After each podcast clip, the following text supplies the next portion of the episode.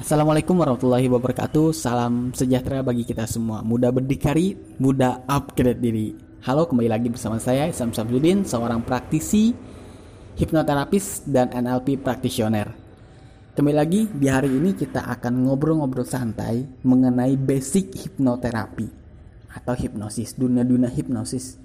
Tentunya sih pasti ya Teman-teman semuanya agak asing Atau ketika mendengar kata hipnosis atau hipnotis pasti orang itu ke alam gaib gitu kan.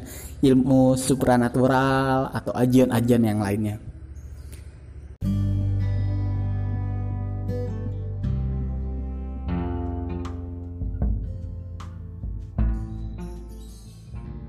Nah, hari ini saya akan ngobrol atau berbincang-bincang dengan teman-teman semuanya yang sedang mendengarkan podcast ini saya akan membahas tentang beberapa hal mitos dan fakta mengenai dunia hipnosis. Tentunya dong, pasti kalau misalnya membahas tentang dunia hipnosis, pasti dikerjain. Kalau misalnya kita dihipnotis, kita nggak sadar. Terus kalau misalnya kita dihipnosis atau dihipnotis, kita tidak bisa kembali lagi ke dia nyata gitu kan. Kita akan dimalu-maluin. Oke teman-teman, sebelum kita membahas ke situ, aku mau cerita dulu nih tentang perbedaan kata hipnotis dengan hipnosis. Nah, di sini ada dua makna loh teman-teman sebenarnya yang masyarakat awam tuh yang belum ketahui ya. Yang pertama hipnot hipnosis dulu ya. Hipnosis adalah dunia atau keilmuan yang belajar tentang alam bawah sadar. Hipnosis kalau misalnya bahasa simpelnya sih ilmunya ya teman-teman ilmunya nah kalau hipnotis adalah operator atau orang yang melakukan atau memiliki keilmuan tentang dunia hipnosis. Jadi kalau misalnya teman-teman melihat di TV atau melihat teman-teman di jalan atau di mana pun di tempat mana pun yang melakukan hipnosis, nah orangnya itu disebut hipnotis, ilmunya itu disebut hipnosis. Jadi kalau misalnya kita lagi di hipnosis atau di hipnotis, itu sebenarnya bukan kita lagi hipnotis nih bukan, tetapi kita sedang atau kita lagi di hipnosis. Kalau hipnotis itu adalah orang yang melakukan dan hipnosis itu adalah proses alam bawah sadarnya. Nah, jadi kayak gitu ya teman-teman. Jadi kita samakan frekuensi yaitu hipnotis dengan hipnosis. Nah, orang yang terhipnosis pasti tentunya banyak fit, fakta ataupun mitos ya teman-teman. Yang pertama mitosnya itu pasti teman-teman tahu lah tentang hal-hal yang kurang baik gitu kan atau yang negatif. Yang pertama itu orang yang hipnosis yang bisa hipnosis atau yang bisa menghipnotis orang lain itu tuh bisa mengendalikan pikiran orang lain. Nah, tentunya aku mau nanya dulu ke teman-teman. Dijawab ya. Kalau misalnya aku bisa hipnosis kamu misalnya. Nah, menurut kamu atau menurut teman-teman semuanya itu benar nggak sih aku bisa mengendalikan pikiran kamu atau mengendalikan pikiran teman-teman? Kalau misalnya aku bisa mengendalikan pikiran teman-teman itu sebenarnya kurang tepat teman-teman. Sejatinya siapa pun tidak ada yang dapat mengendalikan pikiran teman-teman kecuali teman-teman sendiri atau teman-teman membiarkan diri teman-teman bisa dikendalikan atau mau dikendalikan oleh orang lain. Jadi seorang hipnoterapis atau seorang yang bisa melakukan hipnosis itu tuh tidak bisa mengendalikan pikirannya teman-teman, mengendalikan pikiran teman-teman. Tetapi apabila si kliennya itu atau orang yang mau dihipnosisnya itu berkenan atau bersedia menerima gitu. Baru baru bisa gitu kan.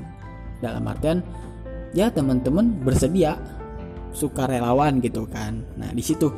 Jadi ya mitosnya kalau misalnya orang yang bisa melakukan hipnosis atau hipnoterapi bisa mengendalikan pikiran orang lain. Sebenarnya faktanya itu bukan seperti itu teman-teman. Faktanya adalah tidak seperti itu. Oke teman-teman. Karena kenapa? Seorang hipnotis hanya ya ingin memberikan sugesti yang memang teman-teman inginkan berdasarkan interview pertama atau awal proses akan dilakukannya hipnosis. Nah, terus apa sih bedanya hipnoterapis atau hipnoterapi dengan yang ada di TV-TV? Nah, kembali lagi teman-teman, hipnoterapis adalah orangnya, hipnoterapi adalah keilmuannya atau prosesnya. Nah, dalam dunia hipnosis itu dibagi-bagi lagi teman-teman. Ada yang hipnot yang terapeutik atau penyembuhan, ada yang entertain. Dalam hal penampilan di panggung atau di TV-TV. Nah, teman-teman yang melihat kebanyakannya di TV seperti Uya Kuya, Damien, Limbat dan sebagainya itu adalah hipnosis entertain atau state hypnotism. Di mana ya untuk hiburan, untuk menghibur orang-orang gitu teman-teman. Tapi kalau misalnya di dunia hipnoterapi yang saya jalani itu adalah untuk pengobatan, penyembuhan melalui sugesti alam bawah sadar antar hipnoterapis dengan klien teman-teman. Dan itu prosesnya serius, tidak bercanda-canda, tidak main-main dan tidak dipermainkan kliennya juga. Prosesnya seperti apa sih? Yang pertama teman kalau dunia hipnoterapi ya seperti konseling pertama ada building rapport melakukan ya interview terlebih dahulu gitu kan melakukan perjanjian dan lain-lain baru ke intinya.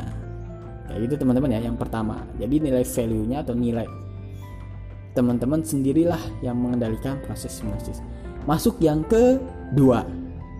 Mitosnya adalah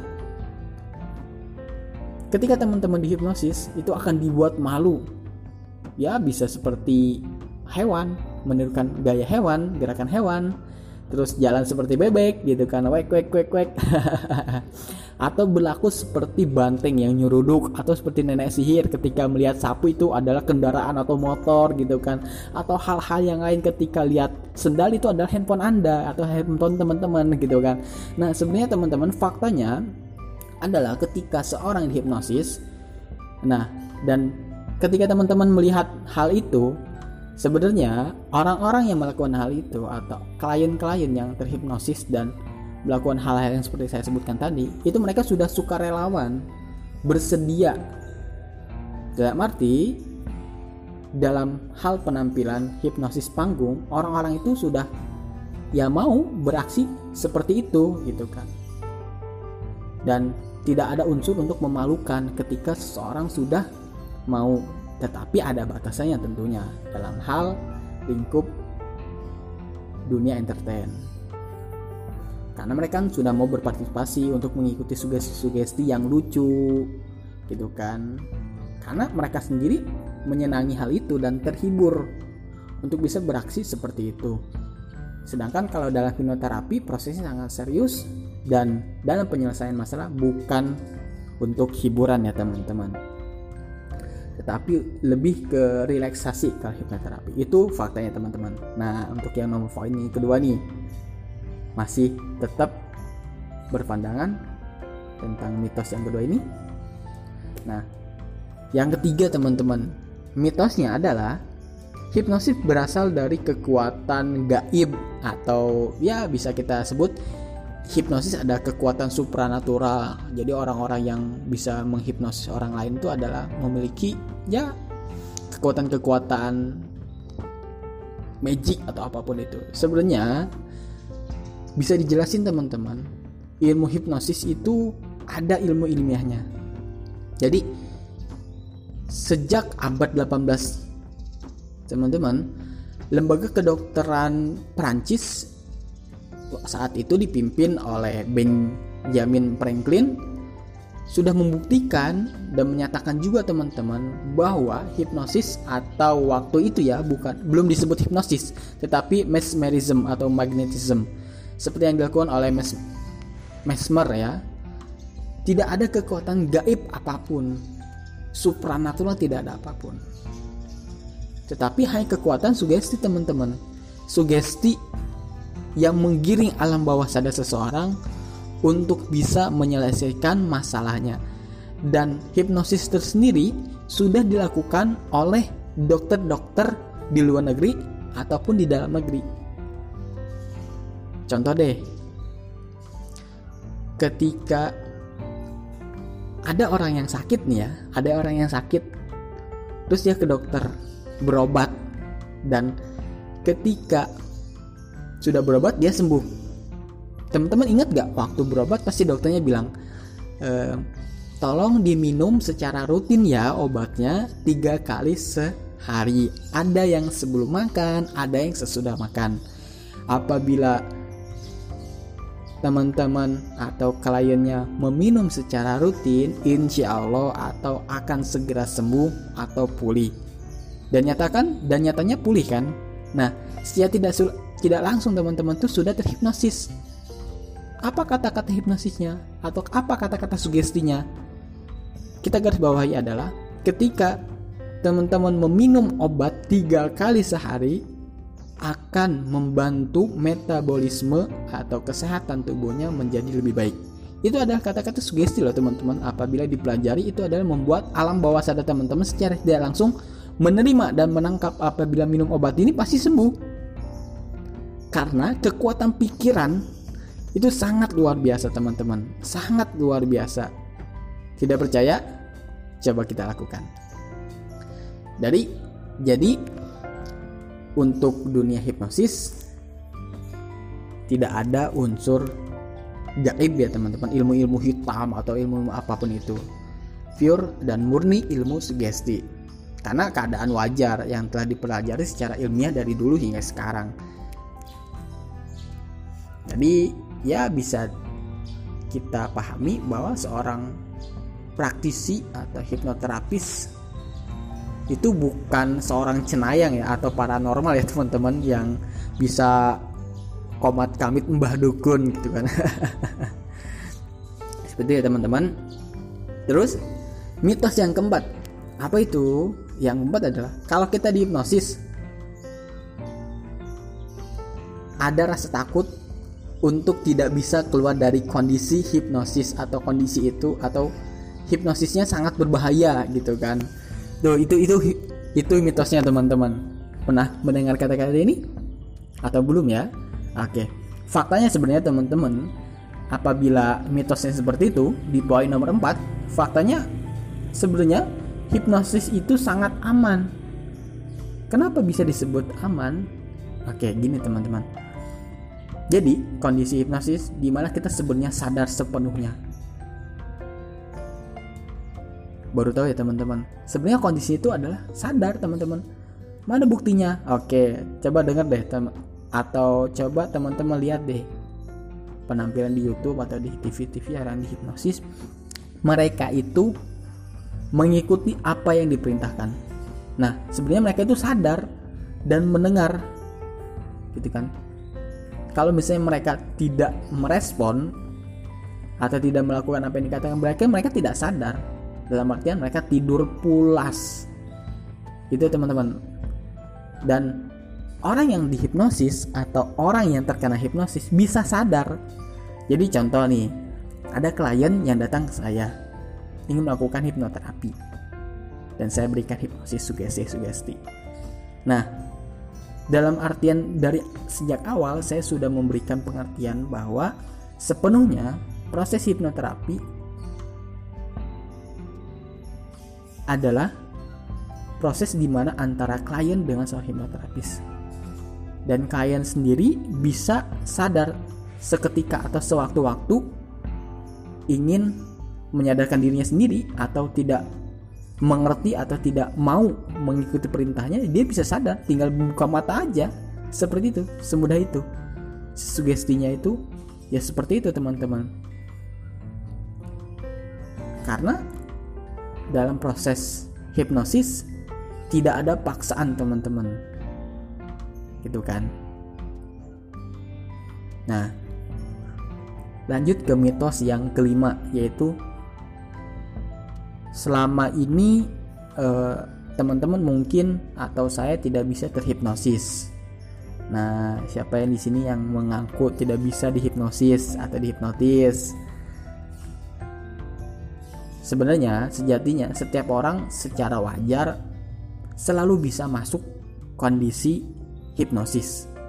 Paling sedikit jika tidak ada beraktivitas dua kali sehari teman-teman. Misalnya sebelum tidur malam dan waktu bangun pagi hari atau sebelum meninggalkan tempat tidur. setiap orang itu mudah masuk dalam kondisi hipnosis saat mereka menonton televisi, mengendari kendaraan di tol, atau membaca buku yang menyenangkan, mereka akan terbawa suasana. Contoh misalnya teman-teman membaca novel. Pada saat membaca novel, terbawa suasananya, terbawa suasana sedih, terbawa suasana gembira, ketawa, ceria. Secara tidak langsung, teman-teman sudah masuk ke dalam hipnosis. Apa kata-kata hipnosisnya? Ya buku itu sendiri teman-teman. Bacaan komik sendiri yang membuat teman-teman terbawa ke suasana itu. Jadi tidak ada yang tidak bisa terhipnosis. Semuanya bisa terhipnosis. Tentunya dalam tingkatan orang yang bisa terhipnosis itu berbeda-beda teman-teman. Ada yang sangat mudah, ada yang mudah, ada yang tidak mudah dan ada yang sulit.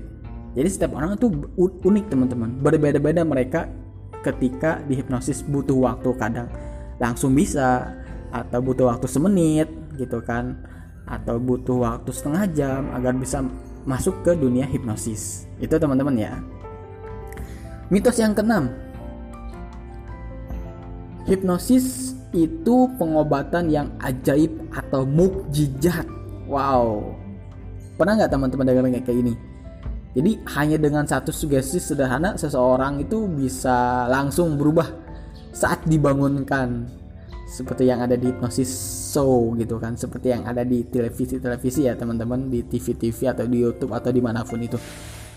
Faktanya hipnosis itu bukan bim salah bim abrakadabra bukan seperti teman-teman butuh waktu untuk bisa menuju ke fase hipnosis. Jadi, meskipun metodenya hipnoterapi relatif cepat dalam menyelesaikan masalah secara permanen, nah setiap manusia itu memiliki jiwa yang unik yang tadi aku jelasin tadi ya teman-teman. Jadi, setiap manusia berbeda-beda. Mulai dari responnya, mulai dari menanggapi hal yang diberikan sugesti gitu kan. Jadi nggak langsung ketika dibangunkan diberikan sugesti langsung berubah gitu. Nggak teman-teman butuh waktu penjelasan step by step agar alam bawah sadarnya itu mengerti dan bisa merespon apa yang diberikan sugesti. Contoh ketika teman-teman takut cicak atau takut kecoa gitu kan ketika melihat kecoa wah menjadi-jadi atau loncat-loncat atau lari gitu kan atau takut cacing, fobia hewan-hewan kayak gitu. Terus ingin dihipnosis atau dihipnoterapi. Dalam hal prosesnya itu bisa sedikit demi sedikit hilang teman-teman. Tetapi tidak langsung sekaligus bim salah bim gitu kan. Enggak teman-teman. Tetapi butuh waktu di mana seseorang bersedia ingin diberikan sugesti dan ingin sembuh. Kuncinya itu ya teman-teman dan ingin dihipnoterapi ya. Kalau misalnya nggak mau dihipnoterapi ya nggak semut-semut teman-teman. Nah dalam saat itu seorang hipnoterapis pasti memberikan sugesti bahwa kecoa atau cacing itu menjadi gambarkannya itu memakai baju yang lucu misalnya ya cacing. Cacing kan itu kayaknya geli ya teman-teman. Kayak ya ulet atau apa gitu kan bentuknya. Coba kita bayangkan. Coba deh teman-teman ketika ada yang takut yang kayak gitu pejamkan mata sekarang Oke, bagus. Pejamkan matanya. Tarik nafas tiga kali dari hidung, keluarkan dari mulut. Nah, kalau udah itu bisa dibayangkan teman-teman cacingnya itu coba bayangin cacingnya dulu aja deh. Nah, cacingnya udah ya, udah kebayang ya. Dan teman-teman di depan ya. Coba bayangin cacingnya itu pakai baju jaket. Misalnya pakai jaket ya, teman-teman Nah, setelah dibayangkan memakai jaket yang lucu, imut, dan berwarna-warni, coba deh. Sekarang teman-teman bayangin cacing itu dikasih kacamata. Bayangin aja kasih kacamata.